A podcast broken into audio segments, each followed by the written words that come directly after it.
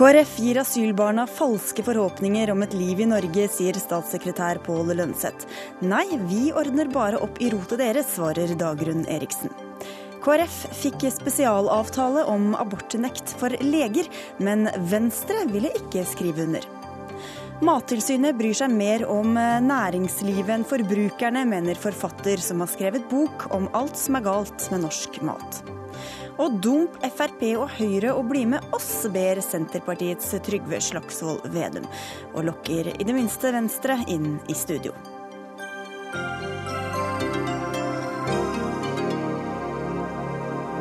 Og det skjer her i Dagsnytt 18 på NRK P2 og NRK2. Jeg heter Sigrid Solund. Mens Venstre og Kristelig Folkeparti blir igjen på Stortinget, styrer Høyre og Fremskrittspartiet videre mot regjeringsmakt. I dag satte de seg ned for første gang for å snekre en felles plattform som de skal styre Norge ut fra. Og regjeringsforhandlingene finner sted på Sundvolden i Buskerud, der du er nå, reporter Lars Nehru Sand. Dette spørsmålet har du fått mange ganger de siste ukene, og blir nok ikke det siste. Hva er siste nytt?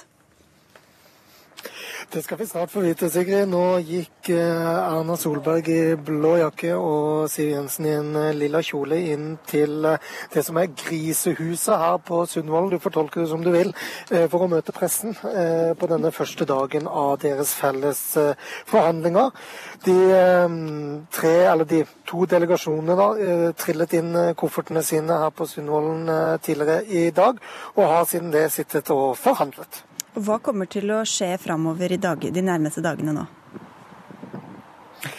Kommer nok til å mure seg inne på dette lydisolerte rommet og gardinene trygt igjen for PST, og sitter rett overfor hverandre ved et lite bord, fire mot fire, høyre mot Frp, øyne mot øyne, og forhandler om politiske gjennomslag. De skal starte klokken ni hver morgen, og så har de lovet en daglig pressebrif klokken 15, hvor du da kan spørre om hva som er siste nytt. og hvor lang tid er det ventet at vi skal holde på med denne øvelsen? Ja, Du får stålsette deg for rundt to uker til, tror jeg. fordi de eneste sånn cirka datoene vi har, er jo da 14. oktober, når Jens Stoltenberg vil kunngjøre i Stortinget at han kommer til å gå av, legger frem sitt statsbudsjett. Og så kan vi gjette oss til at uh, fredagen etterpå, eller mandagen etterpå, da snakker vi 18. 20. oktober, så vil det være et statsråd på Slottet for første gang for regjeringen Solberg, utgått av Høyre og sannsynligvis også Fremskrittspartiet. Sundvolden hotell er for mange forbundet med 22. juli. Hvorfor velger Høyre og Fremskrittspartiet akkurat dette hotellet? For skal vi kalle det hotellsonderingene. Og, og, de sier at de valgte Sundvolden fordi først og fremst var ledig, og fordi det er moderne fasiliteter. De holder til i et nybygg fra, fra 2010 som er et moderne konferansesenter. Høyre sier at Unge Høyre har brukt dette stedet mye, og de setter pris på at det er et familieeid, norsk, tradisjonsrikt hotell som har vært i familieeie siden 1965. Hvor mye vi skal legge i at det er en populær skysstasjon på veien over til Bergen for Erna Solberg, det kan vi jo tolke som vi vil. Men, men det de sier, som også har sjekka med Arbeiderpartiets folk, er at gleden over at et hotell som stilte opp da demokratiet ble angrepet, også kan være med å få positive ja, forbindinger til, til, sitt navn i demokratiets tegn noen år etterpå, det er noe som jeg tror alle parter er fornøyd med. Takk skal du ha, Lars Nehru Sand. Og skjer det noe den nærmeste timen, hører vi vel fra deg igjen, regner jeg med. Mye er altså usikkert, men noe er allerede klart med hva slags politikk vi får med ny regjering. Flere asylbarn skal få bli i Norge. Dette løftet fra Kristelig Folkeparti og Venstre ble holdt fram som en av de store seirene deres da de la fram den borgerlige samarbeidsavtalen i går kveld. Men det var å gi mange hundre asylbarn falske forhåpninger, mener du Pål Lønseth, du er statssekretær i Justisdepartementet fra Arbeiderpartiet. Hvorfor sier du det? La meg først si at regjeringen har vært mot et amnesti, for det er grunnleggende urettferdig. Når man først går til et skritt og sier det man gjorde på pressekonferansen i går, og sier man har løst situasjonen for asylbarna, så var det åpenbart Alle trodde at da innebar det at alle skulle få bli, og familiene skulle få bli.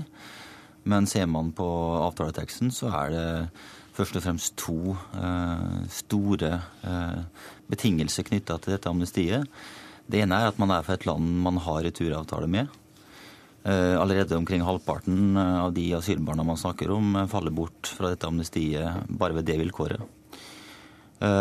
Så er det det andre hovedvilkåret er at foreldrene skal medvirke til identitetsavklaring. Og det, er nettopp det som er en av hovedutfordringene med lengeværende barnefamilier. Nemlig at foreldrene ikke har medvirket til identitetsavklaring. Det er det som har gjort tvangsretur eh, vanskelig og umulig i noen tilfeller. Og det er det som har medført at de har vært der eh, lenge.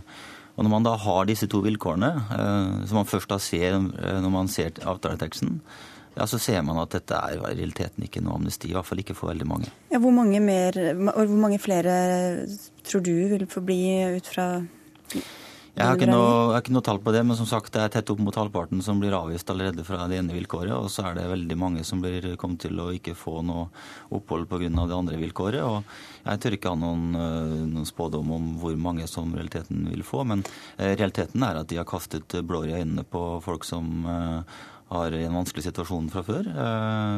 Sånn at jeg syns at det er beklagelig. Det er bedre å holde fast ved en konsekvent linje om at et avslag er et avslag, og at eh, har man eh, drevet med ID-falsk og ikke medvirket til ID-avklaring, ja, så, så, skal det mye til før man får et oppholdstillatelse.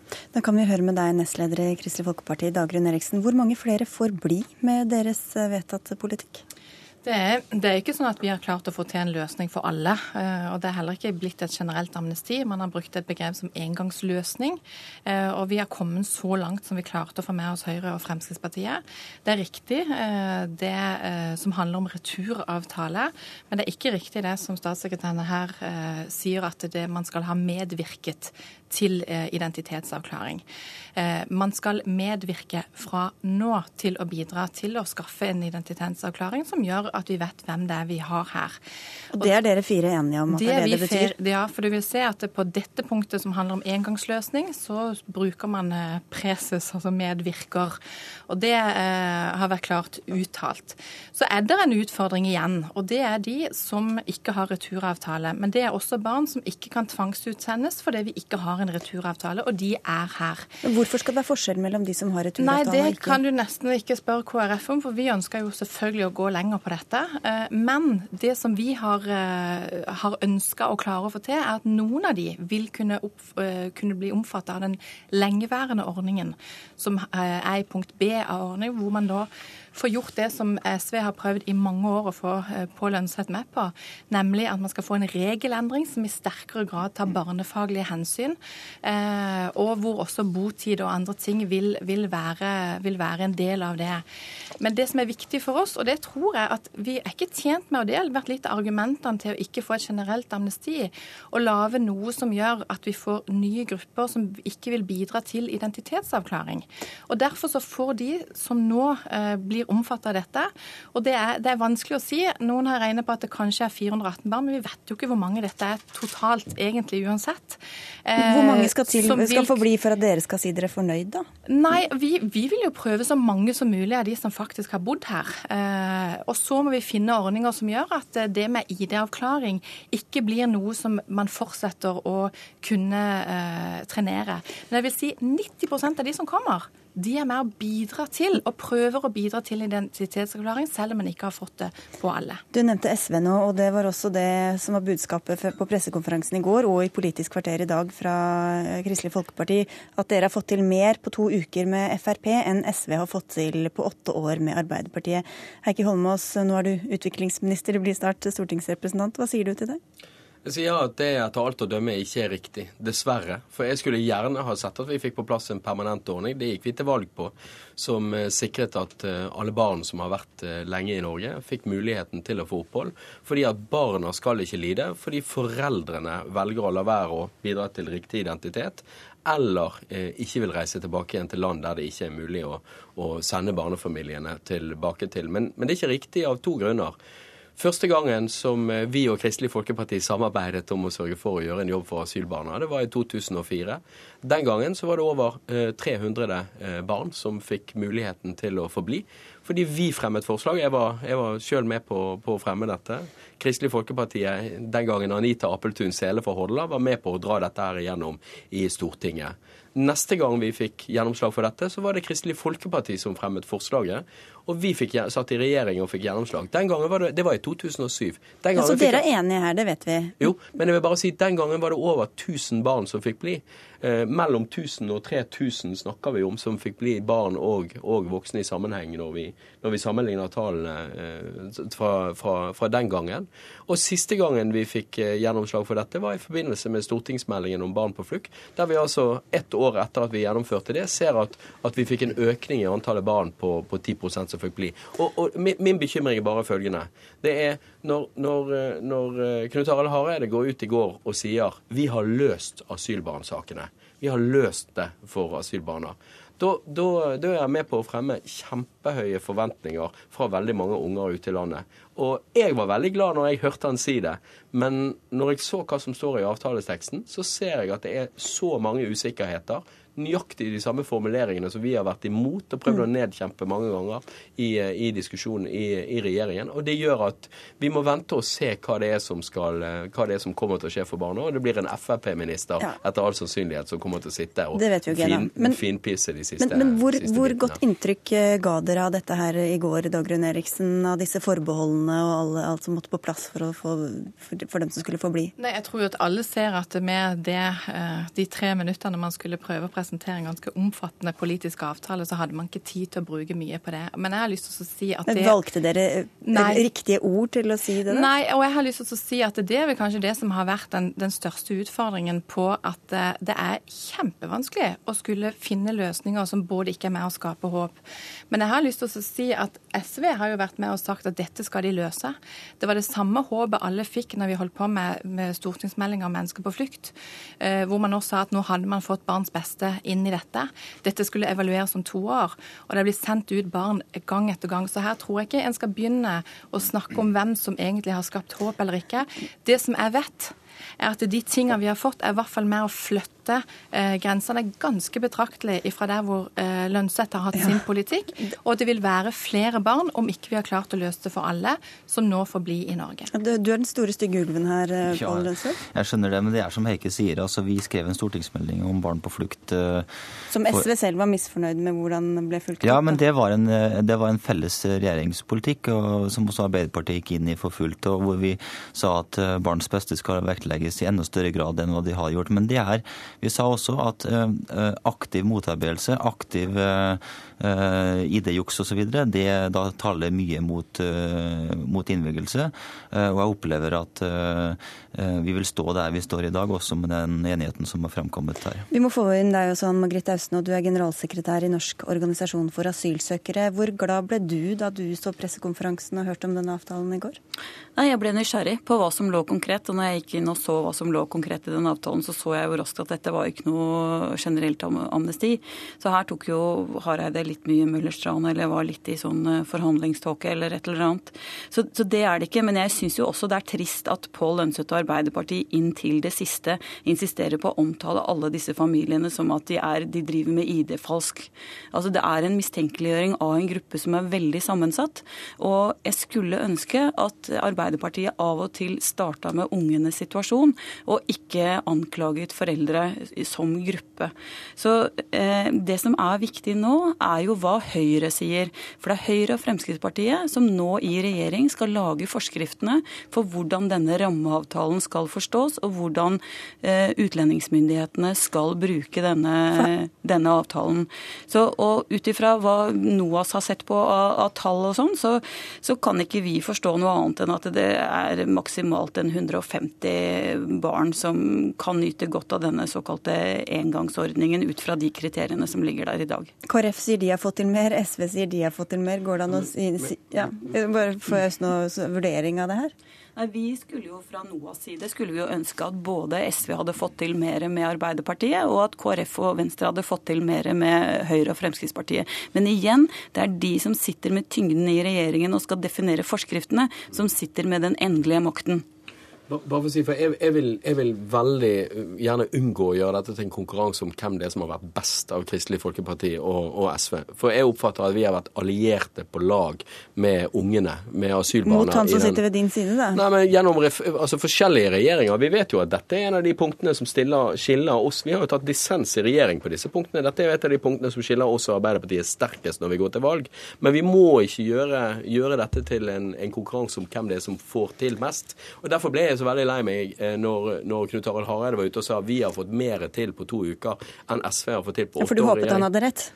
Jeg håpet at han hadde rett. ja, men altså, Det mener jeg jo virkelig. Altså, vi fikk til et amnesti i 2007 på forslag fra Kristelig Folkeparti. De fikk til i 2004 på forslag fra oss. Og jeg håpte jo at vi kunne være, eh, se at det, den løsningen som kom der, okay. den hadde vært best for alle. Men, Men nå, får vi altså, nå får vi jobbe i fellesskap videre ja, fremover for å sikre at denne ordningen blir så bra som mulig. Dagrun Eriksen, til det Austun sier her om, de, om hva Høyre og Frp faktisk kommer til å gjøre. Hva slags tillit har du til den politikken de nå skal sitte og utforme? Nei, dette skal jo ikke de få lov å sitte og utforme alene. Vi kommer til å, følge opp de tingene som vi har eh, i avtalen på dette. Den, det, er ikke, det, er ikke, godt nok, det er ikke langt nok. Men jeg har lyst til å si eh, at vi har fått noen ordninger. Altså, vi har aldri sagt at det er amnesti eller engangsløsning som er den permanente ordningen. Og det som er den store utfordringen her, det er jo punkt B i avtalen som handler om hvordan vi skal få til de vare endringene. Og da har alle sagt vi må ha en forskrift eller en lovendring. I avtalen nå står det at vi skal få en regelendring på plass. Det var det som SV ikke klarte å få Arbeiderpartiet med, og som vi nå har fått Høyre og Fremskrittspartiet med. Som i realiteten skal være litt tyngre å flytte på enn en rød-grønn regjering. Ok, Vi har ti sekunder hver til hver, for det er veldig knapp tid. Heikki Holmås. Regelendring er vel og bra, og det fikk vi også til i 2007. Men spørsmålet mitt til deg er så lenge, hva vil de kriteriene som legges til grunn bety hvis du ikke skal, altså hvis foreldre skal være nødt for å ha både ønsket å reise ut og eh, bidra til å avklare ja, identiteten sin, altså, spiller det da, hvordan ville det spille en rolle? Det får jeg ikke tid til å svare på. Nei, det får egentlig ikke det. Men, den, den, den, den, regelendringen som står i den avtalen, er det som er gjeldende praksis i dag, så den vil heller ikke løse på noe. Nei, altså Den åpner for at eh, det som vi har etterspurt fra NOAs side, og veldig mange av de humanitære organisasjonene i Norge har eh, etterspurt, og med Legeforeningen og Advokatforeningen, nemlig en tydeliggjøring av når skal barns beste veie tyngre enn innvandringsregulerende hensyn, altså hva foreldre har gjort eller ikke gjort. Det har ikke Arbeiderpartiet ønsket å komme med, og nå får vi se om Høyre og Fremskrittspartiet kommer med det. Takk skal dere ha, Anne Margrethe Austen fra NOAS, Heikki Holmås fra SV og statssekretær Pål Lønseth. Dagrun Eriksen, du skal få lov å bli sittende litt til.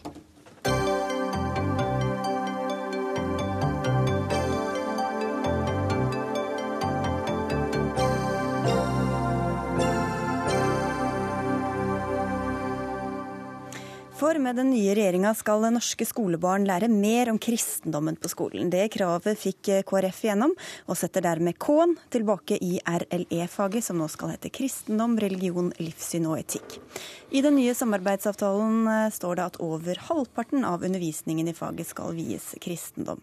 Og hva syns du om det, informasjonssjef i Human-Etisk Forbund, Jens Brun Pedersen? Det er en fantastisk prestasjon. Her er vi altså i en moderne tid hvor livssynspluralismen øker, mangfoldet øker, stat og kirke er i ferd med å skilles. Eh, på den annen side, kristne privatskoler øker.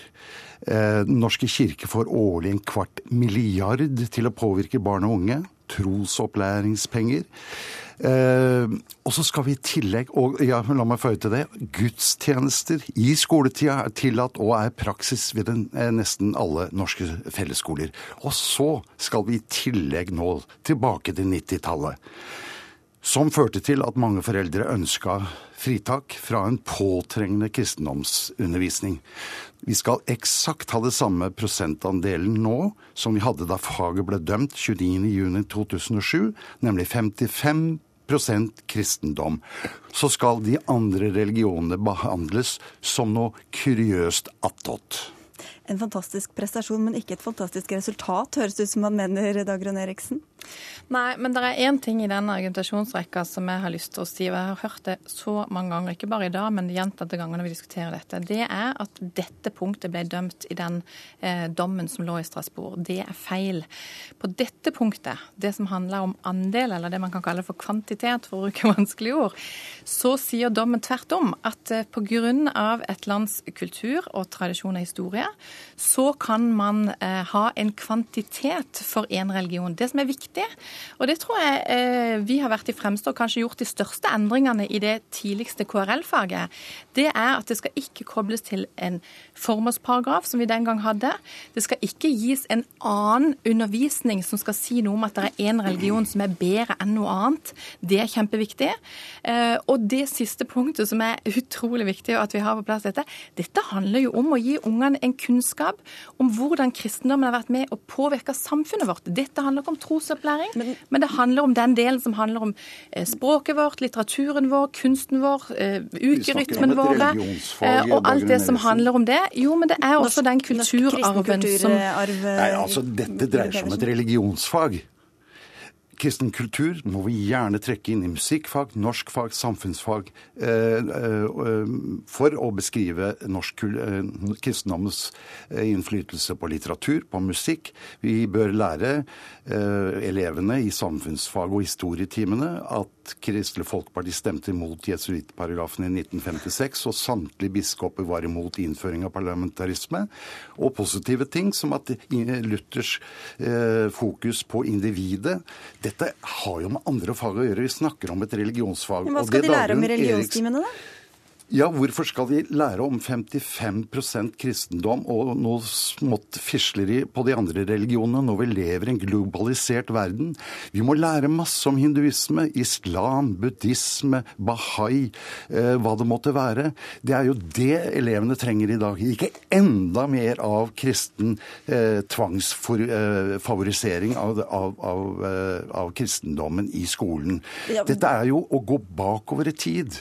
Blir ikke så mye tid igjen til Bahai, eh, Dagrun Eriksen, med tre timer totalt i uka for eh, elevene? Det blir ikke gjort noe på sånn som kompetansemålene ser ut i dag. Problemet når den endringen når man løsna opp på den 55 som før var, var at man da fikk veldig tilfeldig undervisning. Det er noen skoler som da gikk rett ned til en tredel, noen har beholdt 55% De som har beholdt 55 eh, på kristendom, de har jo klart å få til den integreringen og den tverrfagligheten hvor også kristendommens møte med samfunnet samfunnet, på disse kulturtingene, på historietingene, på rettsapparatet, skoleutviklingen, alt det som kristendommen har vært med å bidra til, og også de negative tingene.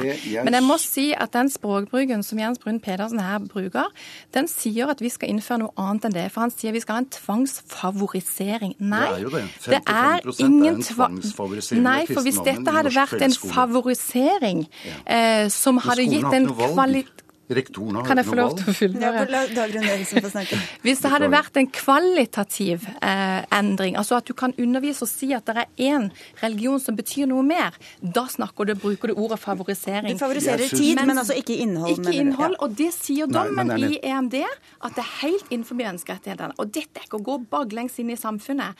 Tro, livssyn, religion og det å ha de spør spørsmålene, det har alltid Humanitisk Forbund ønska å gjemme på bakrommet. Det, Vi ønsker at det skal være til stede på fellesarenaen, og dette er en av de. Det jeg syns er veldig uredelig av KrF og eh, samarbeidspartnerne her, er å ikke innse at når du gir elevene 55% kristendom, så forteller du elevene hva som er viktig kanskje til og med hva som er sant, og hva som er normalt i et samfunn.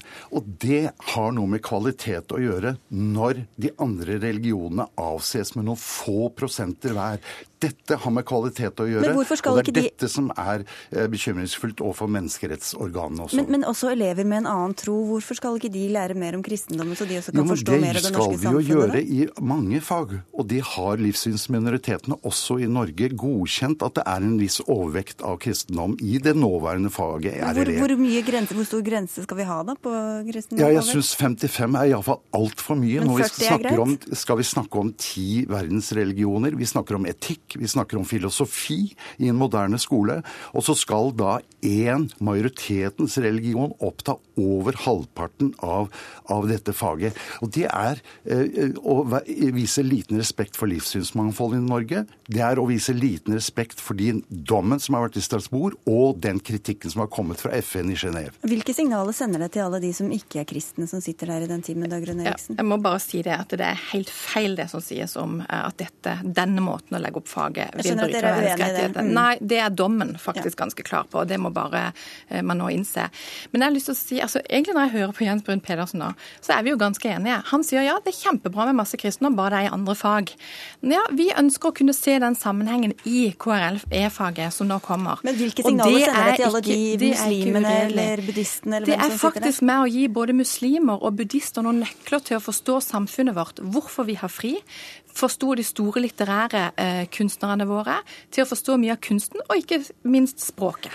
Jeg, jeg ønsker eh, den nye utdanningsministeren lykke til når de skal innføre dette faget på skole som er 80% muslimer.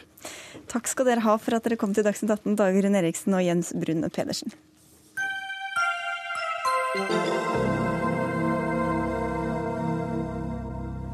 Venstre og KrF holdt døra på gløtt for Fremskrittspartiet, men stengte den igjen for regjeringssamarbeid i går. Og Senterpartiet lar ikke sjansen gå fra seg, eller hva, nestleder Trygve Slagsvold Vedum? Du er her med et slags frieri, får vi høre? Ja, altså det, som jeg, det, som vi sa i hele valgkampen, altså vi mener var en stor feil av KrF og Venstre, var at de garanterte i vår for regjeringsskifte uansett sammensetning, så, bare, så lenge det ikke var den regjeringa som nå sitter. Eh, og at både Trine Skei Grande og Knut Arild Hareide da åpna for første gang for Frp. Hadde Hareide og Skei Grande sagt det samme som Sponheim og Høybråten, så hadde vi ikke hatt Frp-høyreregjering nå. Men det er jo det er det mange som... som er glad for at vi har det. jo, men jeg tror ikke Venstre og KrF har det. For det som var det mest interessante med pressekonferansen i går, var at det var ikke en enkeltsak de brøt på, men det var helheten. Samfunnssynet. Og det er det som har vært vårt poeng, at vi sentrumspartiene, Senterpartiet, KrF og Venstre, vi har mye felles, men det partiet som står lengst fra oss, er Frp.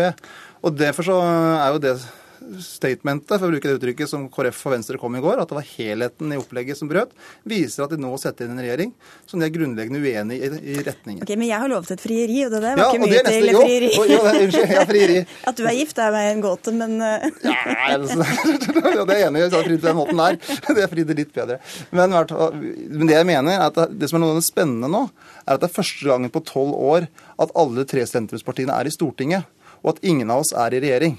For historisk, hvis vi ser litt lenger linjer enn bare de siste tolv åra, så har jo sentrumspartiene vært et felles tyngdepunkt i Stortinget.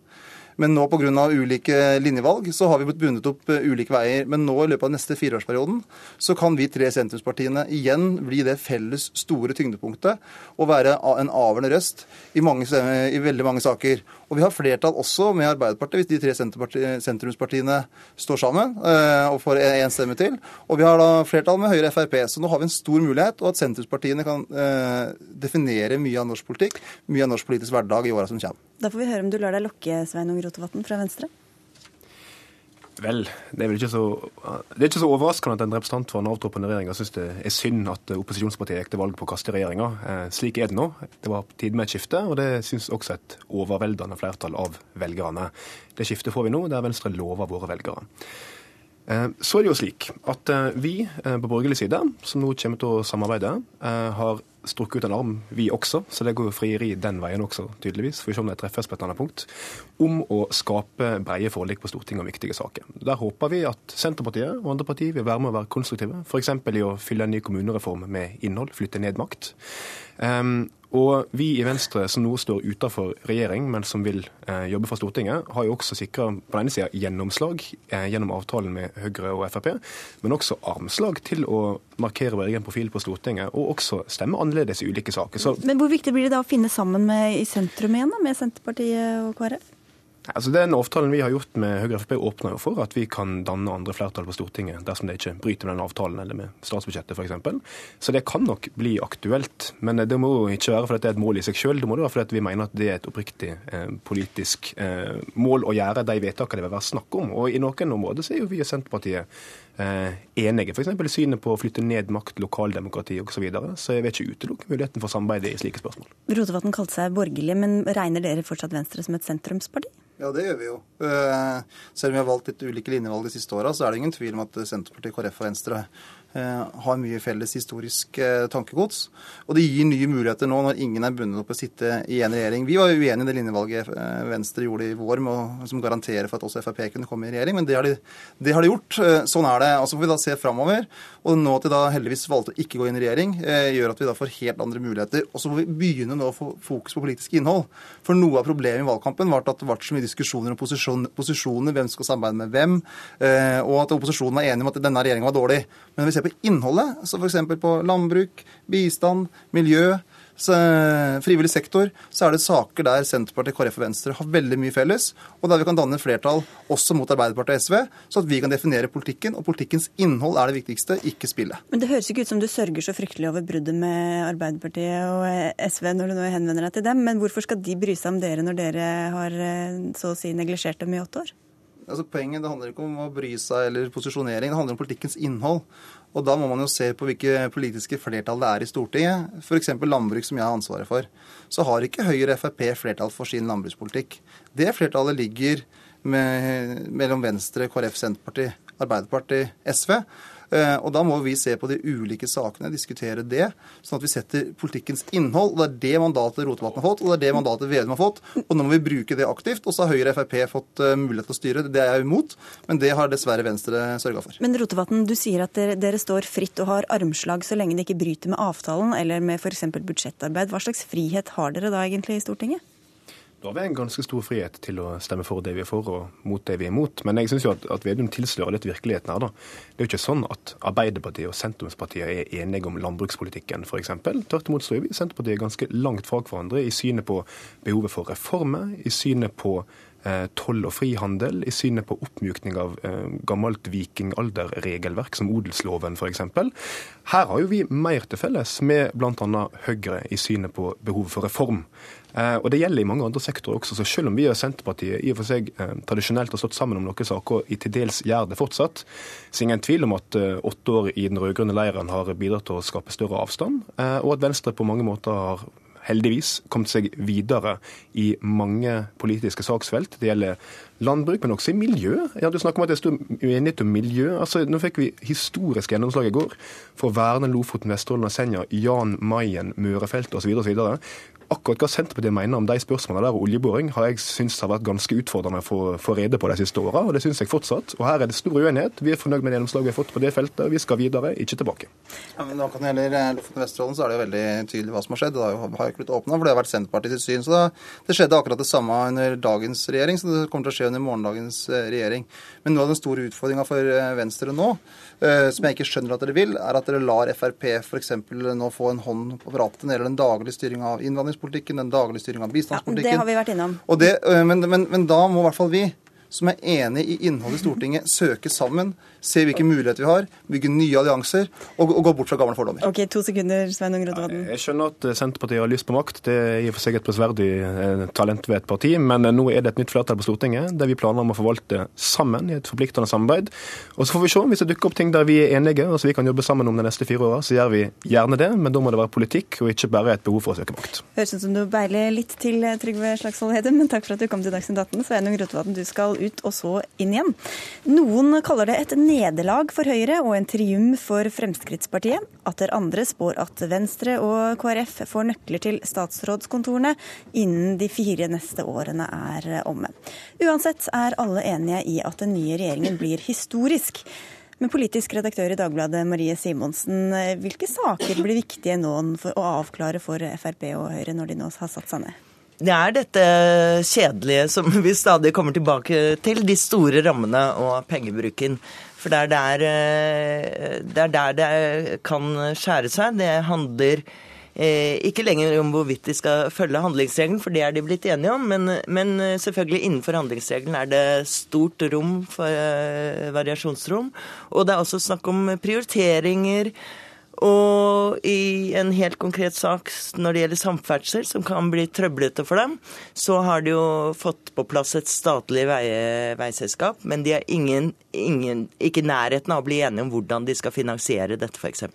Du skrev eh, i en kommentar i dag at det var et nederlag for Erna Solberg at hun ikke fikk med seg alle fire. Hvorfor var det det? Ja. Jeg, jeg, vil jo først si at uh, dette er en sånn eh, spissformulering som tabloidjournalister bruker. Fordi at det er åpenbart ikke et nederlag å bli statsminister i Norge. Men det er et nederlag for henne at hun ønsket seg en firepartiregjering, fordi at da ville hun få flertall. Og hun ville binde sentrumspartiene nærmere til seg. Og hun har et langsiktig mål om at dette skal være en stor allianse som skal vare over tid. Og det ble det jo ikke til nå, i denne omgang i hvert fall. Og Hvor mye svir det, Hanne Skartveit, du er politisk redaktør i VG? Ja, jeg er ikke enig med Marie Simonsen at dette er et nederlag for Erna Solberg. Altså Hennes fremste ønske var nettopp en flerpartiregjering. Men det visste vi alle at satt veldig veldig langt inne, og det bar ikke hele veien fram. Men det er klart Når du blir statsminister og når du får til et regjeringsskifte og har en avtale med et flertall bak deg i Stortinget, så er det en politisk seier for Erna Solberg, selv om hun ikke fikk absolutt alt det hun ønsket. Politisk kommentator NRK Trine Eilertsen, i går så vi hvor langt de fire partiene kom eh, seg imellom. Hvilket handlingsrom har da en eh, topartiregjering til å utforme en politikk som de ikke har fått et flertall for? Altså, Litt av utfordringen med det dokumentet vi kan kalle det, som vi fikk i går, det er jo det at det er veldig lite konkret, veldig lite detaljert. Det store løfter egentlig som ligger der. Vi skal ha kommunereform, vi skal få fritt behandlingsvalg, vi skal gjøre mye mer på samferdsel enn det som eh, ligger i dagens Nasjonal transportplan. I dette ruller milliardene bare i de tre punktene. Eh, og sånn at Det ligger der allerede. Men hvor mange milliarder det er, hvor mye som er igjen for å gjøre alt det andre som Fremskrittspartiet og Høyre ønsker seg, det vet jo ikke vi ennå. Det må jo de få en eller annen klarhet i når de sitter eh, ute på Sundvolden.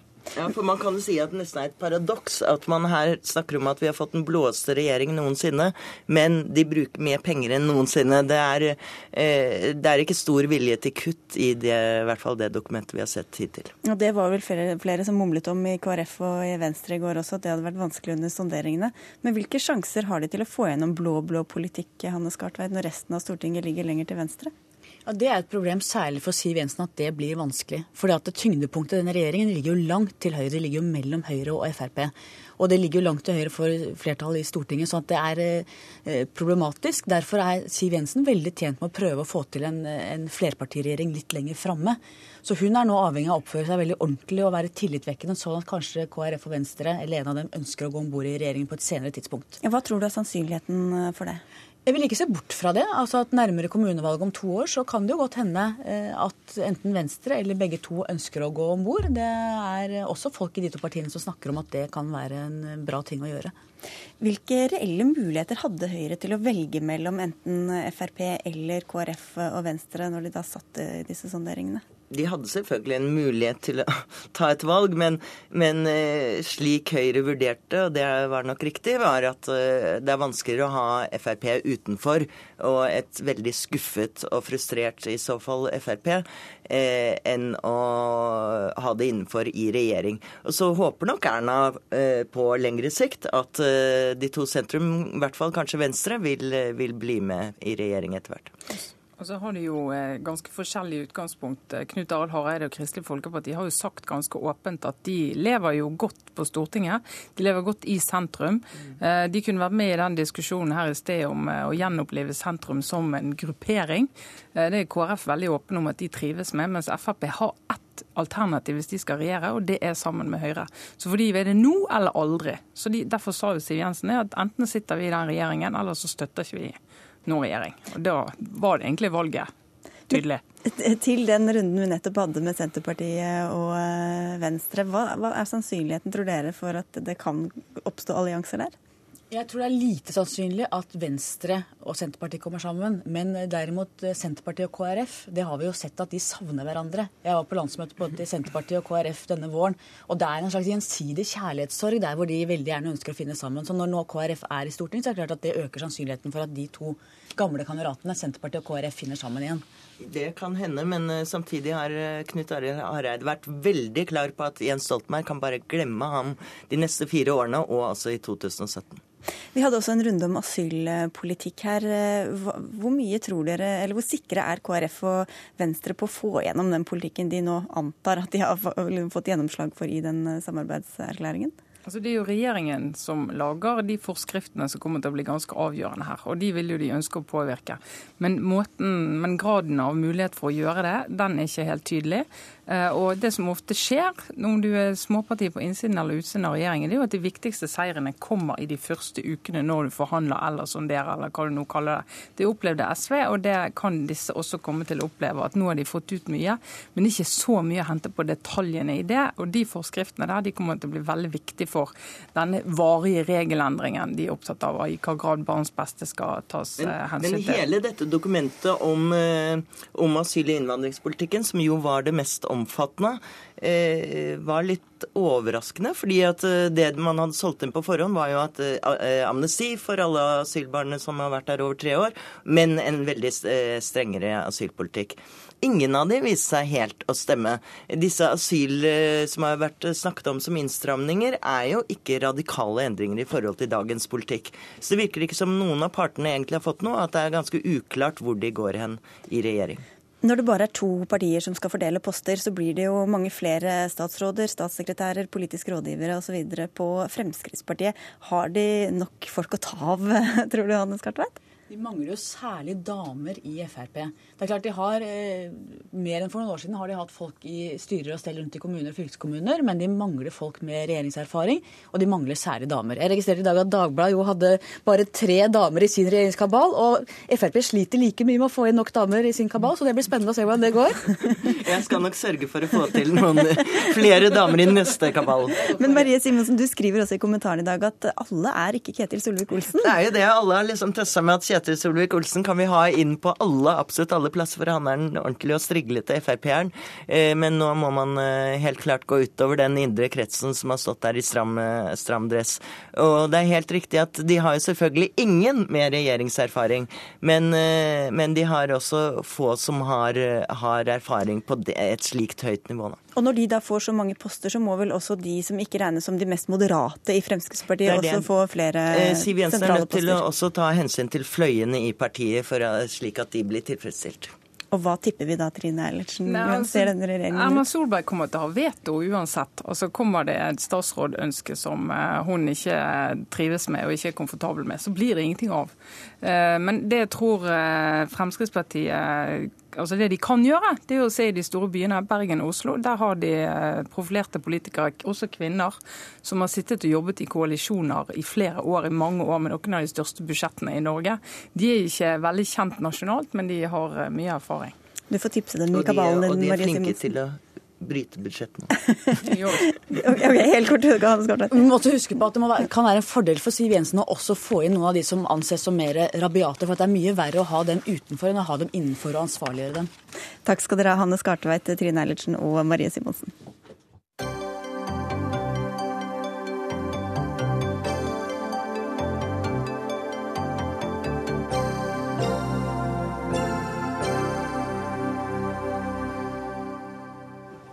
Kristelig Folkeparti og Venstre holdt sammen eh, under sonderingene og utenfor forhandlingene. Men ett punkt i gårsdagens regjeringsavtale nektet Venstre å skrive under på, og det var en av KrFs eh, hjertesaker. Vi er ikke ferdig med politikken her, som alle skjønner. Spesialavtalen mellom KrF, Høyre og Frp sier at leger av religiøse eller moralske grunner kan reservere seg mot bl.a. å henvise pasienter til sykehus for å få utført en abort. Sveinung Rotevatn fra Venstre, velkommen tilbake. Hvorfor ville dere ikke skrive under på akkurat dette punktet? Fordi at På det punktet så gikk det ei viktig grense for oss. Eh, og Det handler om at eh, for Venstre som politisk parti så ønsker vi alltid å ta den svake parten sin side. Eh, og i et tilfelle som vi her snakker om, der ei ung jente kanskje har tatt et vanskelig valg, som er å velge å ønske et abortinngrep, gå til en fastlege, så er det ingen tvil om hvem som er den svake parten. Det er legevergelse, og det er jenta. Og Da mener vi at da er det fastlegen sin jobb å gjøre jobben sin. Og det er å henvise til et sykehus for å gjennomføre et abortinngrep dersom det er det pasienten eller jenta ønsker. Og det var så viktig for oss at det kunne ikke vi gå med på i den avtalen. Men Hva er det som skiller dette fra de andre tingene som dere kunne skrive under på, som dere heller ikke var enig i da? Nei, Politikk er jo si, gradsspørsmål, og en må gi og ta i slike forhandlinger. Men her var det på et punkt der vi ikke ønsket å gå videre. Um, nå er det jo flertall for det uansett på Stortinget, og derfor gikk jo KrF og Høyre Frp inn i en egen avtale. Men for oss som et liberalt parti, der vi ønsker å ta den svake partens side, så var det en grense vi ikke ønsket å krysse. Kjell Ingolf Ropstad, du er stortingsrepresentant for Kristelig Folkeparti. og Nå blir den, den svake part nevnt flere ganger her, og det er vel egentlig deres argument? Ja, altså jeg vil jo si Som et liberalt parti så burde en være opptatt av ytringsfrihet og samvittighetsfrihet. For at, uh, Hvis du tenker litt prinsipielt på dette, så er jo det faktisk det at det er noen leger som av samvittighetsgrunner ønsker å reservere seg i spørsmål knytta til liv og død, det er et gode for samfunnet. Og jeg vil si at For pasientene så er det jo et gode, fordi det handler om at du har helsepersonell som har etiske refleksjoner. Og Derfor så ønsker jeg jo å verne dem, så de skal få lov til å kunne reservere seg. Men så er det jo tilfellet tilfelle at dette er jo ikke et praktisk problem. Og det er jo litt sånn sånn jeg, jeg, kan godt ta en debatt om det hvis det hadde vært sånn at dette hadde faktisk vært eh, mange som hadde utfordring knytta til.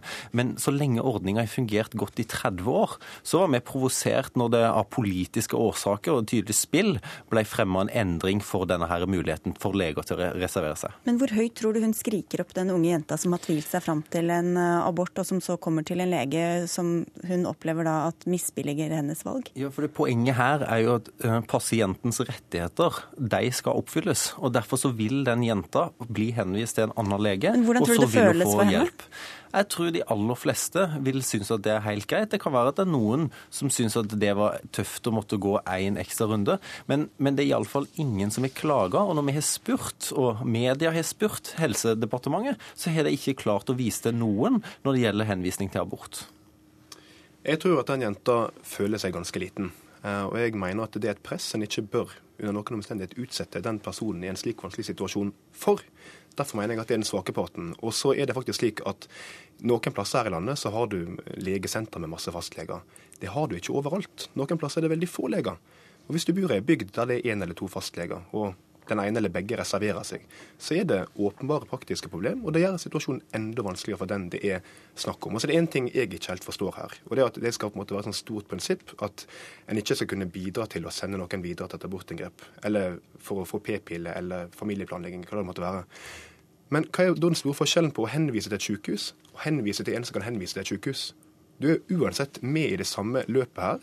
Og jeg mener at Dette er en sånn symbolkamp som KrF kjører. Derfor kunne ikke vi være med på det. Jeg mener at det kan gå utover faktiske mennesker. Det er noe vi som et liberalt parti ikke vil være med på. Og Det å være fastlege er ikke en rett, det er et privilegium. Du er ansatt, du får betalt av det offentlige for å gjøre jobben din, og da bør du gjøre jobben din. Ok, Her var det flere argumenter, du får ta dem på Erik Arad. Ja, her han som liberal politiker faktisk burde vært opp til at det definerer deg sjøl. Så er jeg enig at det vil være noen grenser, men når leger av samvittighetsgrunner, fastleger av samvittighetsgrunner, ikke ønsker å henvise til sykehus eller være en del enten av startskuddet i denne kjeden eller en del av den, så mener jeg at det må kunne respekteres. Og det er jo sånn at Den norske legeforening sjøl har sagt at de ønsker denne ordninga. Og når det ikke er et stort problem, så mener jeg at vi må lytte til legene òg. Men hvorfor skal de være fastleger, da? Nei, Det er fordi at det er de som er den delen. Og så er det jo spørsmål om hva med, hva med annen type helsepersonell. fordi det er jo en reservasjon knytta til utførelsen av selve abortinngrepet, som jeg syns er veldig viktig.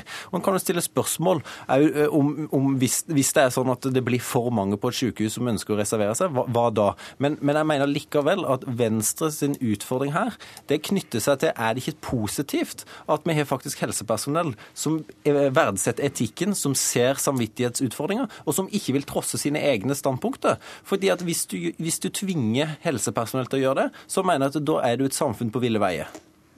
For det første er det en stor forskjell på det å faktisk gjennomføre et abortinngrep og det å gi noen rettighetene sine som er å sende dem videre til å få hjelp. Hvorfor er det så stor forskjell når du ikke skiller mellom det å henvise til en annen henviser og Nei, for Jeg mener at det, jeg skjønner at enkelte vil reservere seg mot det å faktisk gjøre et slikt inngrep som de er uenig i, selv om jeg sikkert kan diskutere det også. Men det å være Her er du velferdsstatens portvokter. Du sitter på et helt grunnleggende førstelinjenivå og skal gi eh, pasienter hjelp og gi dem henvisning videre. Da mener jeg at du har en jobb, og det å gjøre nettopp den jobben. Og som jeg sier, du er uansett en del av den kjeden du snakker om. Du henviser til noen andre, som så henviser. Hva er den store forskjellen? Det lurer jeg på. Altså, det som er da, da, kan Rotevatn, nei, da kan du få svare på ja, det. Det er jo at samvittigheten sier stopp. Lang, altså, det å stille de type spørsmål det synes jeg er helt legitimt. Men når leger, fastleger, sier at det kan det ikke være en del av, da slutter jeg heller. Men hvis legen to... sier at han ikke heller vil henvise til noen som kan henvise, da? Ja, ja så, så, så, kunne hun tatt en runde på det, men det er et hypotetisk spørsmål, for det sier det ikke. Men det er 200 stykk av 5000 fastleger som har sagt at de ønsker ikke å være startskuddet i den kjeden. Og Det syns jeg vi må respektere. Jeg synes det er en flott ting. Og så lenge det ikke er et faktisk problem, når det ikke blir dokumentert, så syns jeg heller ikke det er en utfordring. Det er snakk om ganske mange hundre leger som ønsker å reservere seg her. Det er et faktisk problem. Og jeg mener det at helsevesenet er til for pasientene, det er ikke til for legene. Og har en lege valgt å få betalt for å være fastlege, så er ikke det et plikt, det er et privilegium. Og da har du, mener jeg, å gjøre en av de mest grunnleggende jobbene som fastlege, og det henviser til abort, det å kunne skrive ut p-piller, og ja, det å hjelpe folk med familieplanlegging. Det er jobben din, den bør du gjøre uten unntak. Hvordan lover dette for enigheten framover, Ropstad? Ja, det er det som er fordelen der nå. for at eh, Selv om vi er enige om mye, så har vi jo lov til å være uenige, for vi er en del av opposisjonen. Og i noen saker så vil du se, sånn som i dette spørsmålet, at vi finner enighet med Frp og Høyre, og i andre saker så vil nok sikkert òg Venstre vinne fram med de samme partiene. Ja. Takk for at dere kom hit og var uenige da, Sveinung Rotevatn og Kjell Ingolf Ropstad.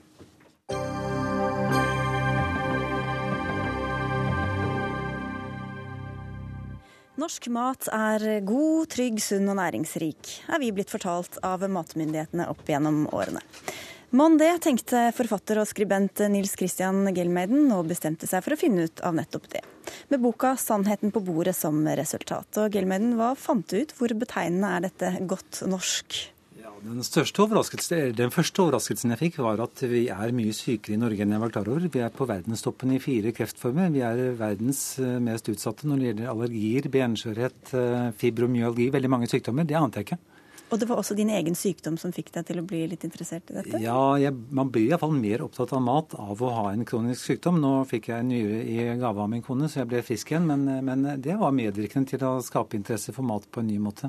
Men hvordan vet du at også maten er med på denne lista over sykdommer og lidelser i Norge? Da? Nei, Det er mange grunner til at mennesker blir syke, men de fleste mennesker i verden har en forestilling om at vi blir det vi spiser. Sånn at det er en sammenheng mellom det vi spiser og det vi drikker, og, og hvordan vår helse utvikler seg, det er mange mennesker Det føler de fleste at det er noe i.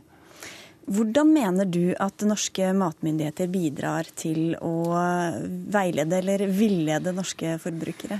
Ja, jeg kan ta et helt konkret eksempel. fordi Mattilsynet, som nå sitter ved min høyre side, de undersøker hvert eneste år 1500 norske frukt- og grønnsaker. Eh, og de undersøker hvor mange giftstoffer det finnes i dem. 315 forskjellige giftstoffer undersøker de. Og de konkluderer hvert år at omtrent halvparten av all frukt og grønt i norske butikker inneholder plantegiftrester. De fastslår også at økologiske frukt og grønnsaker ikke inneholder eh, noe, eh, eller veldig sjelden 2-3 Men de forteller det ikke videre til folk. De forteller det ikke videre. De forteller at dette er trygt innenfor grenseverdiene. Og Det mener jeg er å skape en falsk trygghet. Og det er dårlig gjort overfor den ene prosenten av jordbrukere som gjør alt hva de kan for å lage giftfri mat. Det er, det er eh, lompent at ikke Mattilsynet kan fortelle at det er faktisk veldig stor forskjell. Og Det er den ene siden av det. Og den andre siden er hva som skjer med et eple eller, eller med korn som sprøytes. Eh, for jeg mener å kunne påvise, det er for så vidt min egen oppdagelse i boken også, at de blir fratatt sitt immunforsvar. De får jo en, en, kondom av kjemi på seg og behøver ikke å lage noen beskyttelse mot, uh, mot uh, sopp og sykdommer og insekter. Og når du og jeg spiser uh, det kornet og, og, de eplene, så får heller ikke vi noe immunforsvar. Og vi blir lettere syke, vi får lettere allergier. Det er en oppdagelse jeg har gjort. Er, man kan også snakke om vitamin og vitamin, men det er på en måte eh, noen av funnene mine.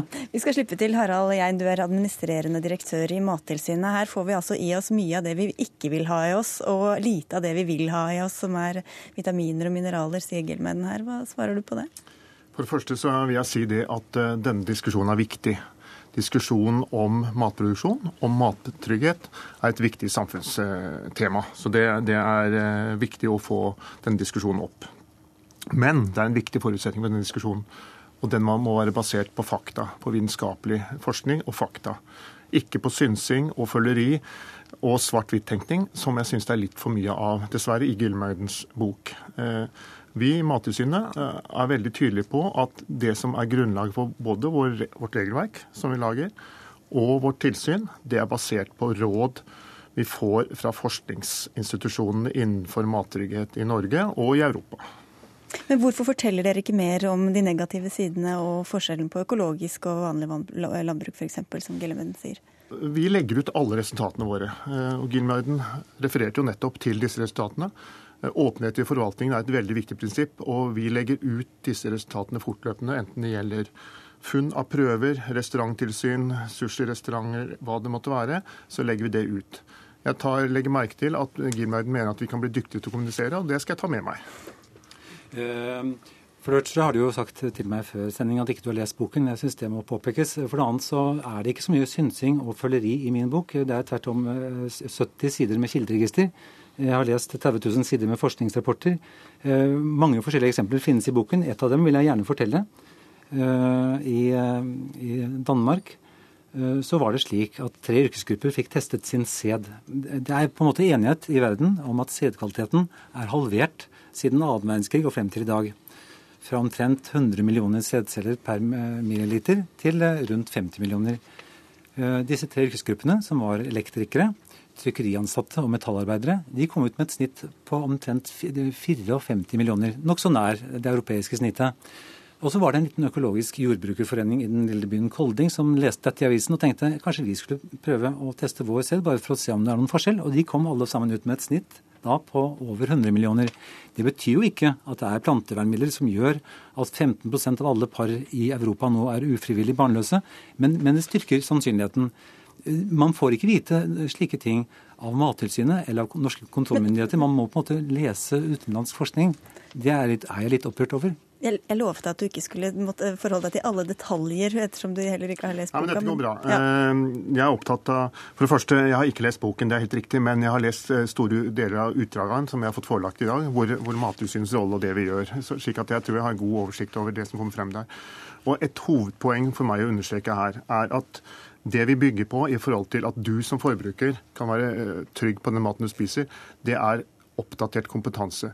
Vi bruker forskere. Vi har forskere som, eh, som eh, jobber på Folkehelseinstituttet, Bioforsk, Eh, Veterinærinstituttet osv.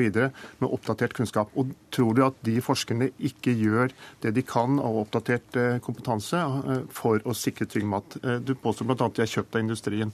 Det, det, det, det er en påstand som Gilmar kommer med her. Ja, det, nei, nei, men... det påstår jeg ikke. Hvis du hadde lest boken, så ser jeg at dere betjener næringsinteresser mer enn forbrukernes interesser. Det er en slags rød tråd i boken. Dessverre. Jeg skulle ønske at ikke det var sånn. Men hva legger du i det at de setter næringslivet over Nei, det jeg mener, helt konkret, det er, jo ikke, det er jo ikke deg eller meg, det er jo ikke forbrukere som kommer til Mattilsynet og ber dem hundredoble giftgrensene for glyfosat, eller Roundup som det heter i maten. Det er, ikke, det er, jo ikke, sånn det skjer. Det er jo sånn at Produsentene kommer og forteller at de bruker 100 ganger mer eh, glyfosat i maten, fordi, enten fordi de bruker det til tvangsmodning, eller fordi de bruker det fordi kveken er blitt resistent. Det, det er gangen i det. Det er derfor Mattilsynet hele tiden dobler og opptil hundredobler giftgrensene. Det er jo ikke sånn at vi tåler eh, glyfosat 100 ganger bedre. Vet ikke hva glyfosat er, men det høres ikke noe som noe vi vil ha i kroppen i hvert fall. Altså, det som er viktig her, og som jeg har lyst til å understreke, det er at jeg tror at både Gelmøyden og Mattilsynet har en felles stor interesse, og det er å sikre at du som forbruker får trygg mat. Og så bygger vi på, eh, når vi godkjenner dette, så bygger vi på at det skal være minst mulig bruk av kjemikalier. Så lite som mulig. Men hvorfor har vi hevet de grensene for hva som er lov å ha det? Fordi eh, det vitenskapelig sett er vist at det er forsvarlig i forhold til din helse og forbrukerens helse.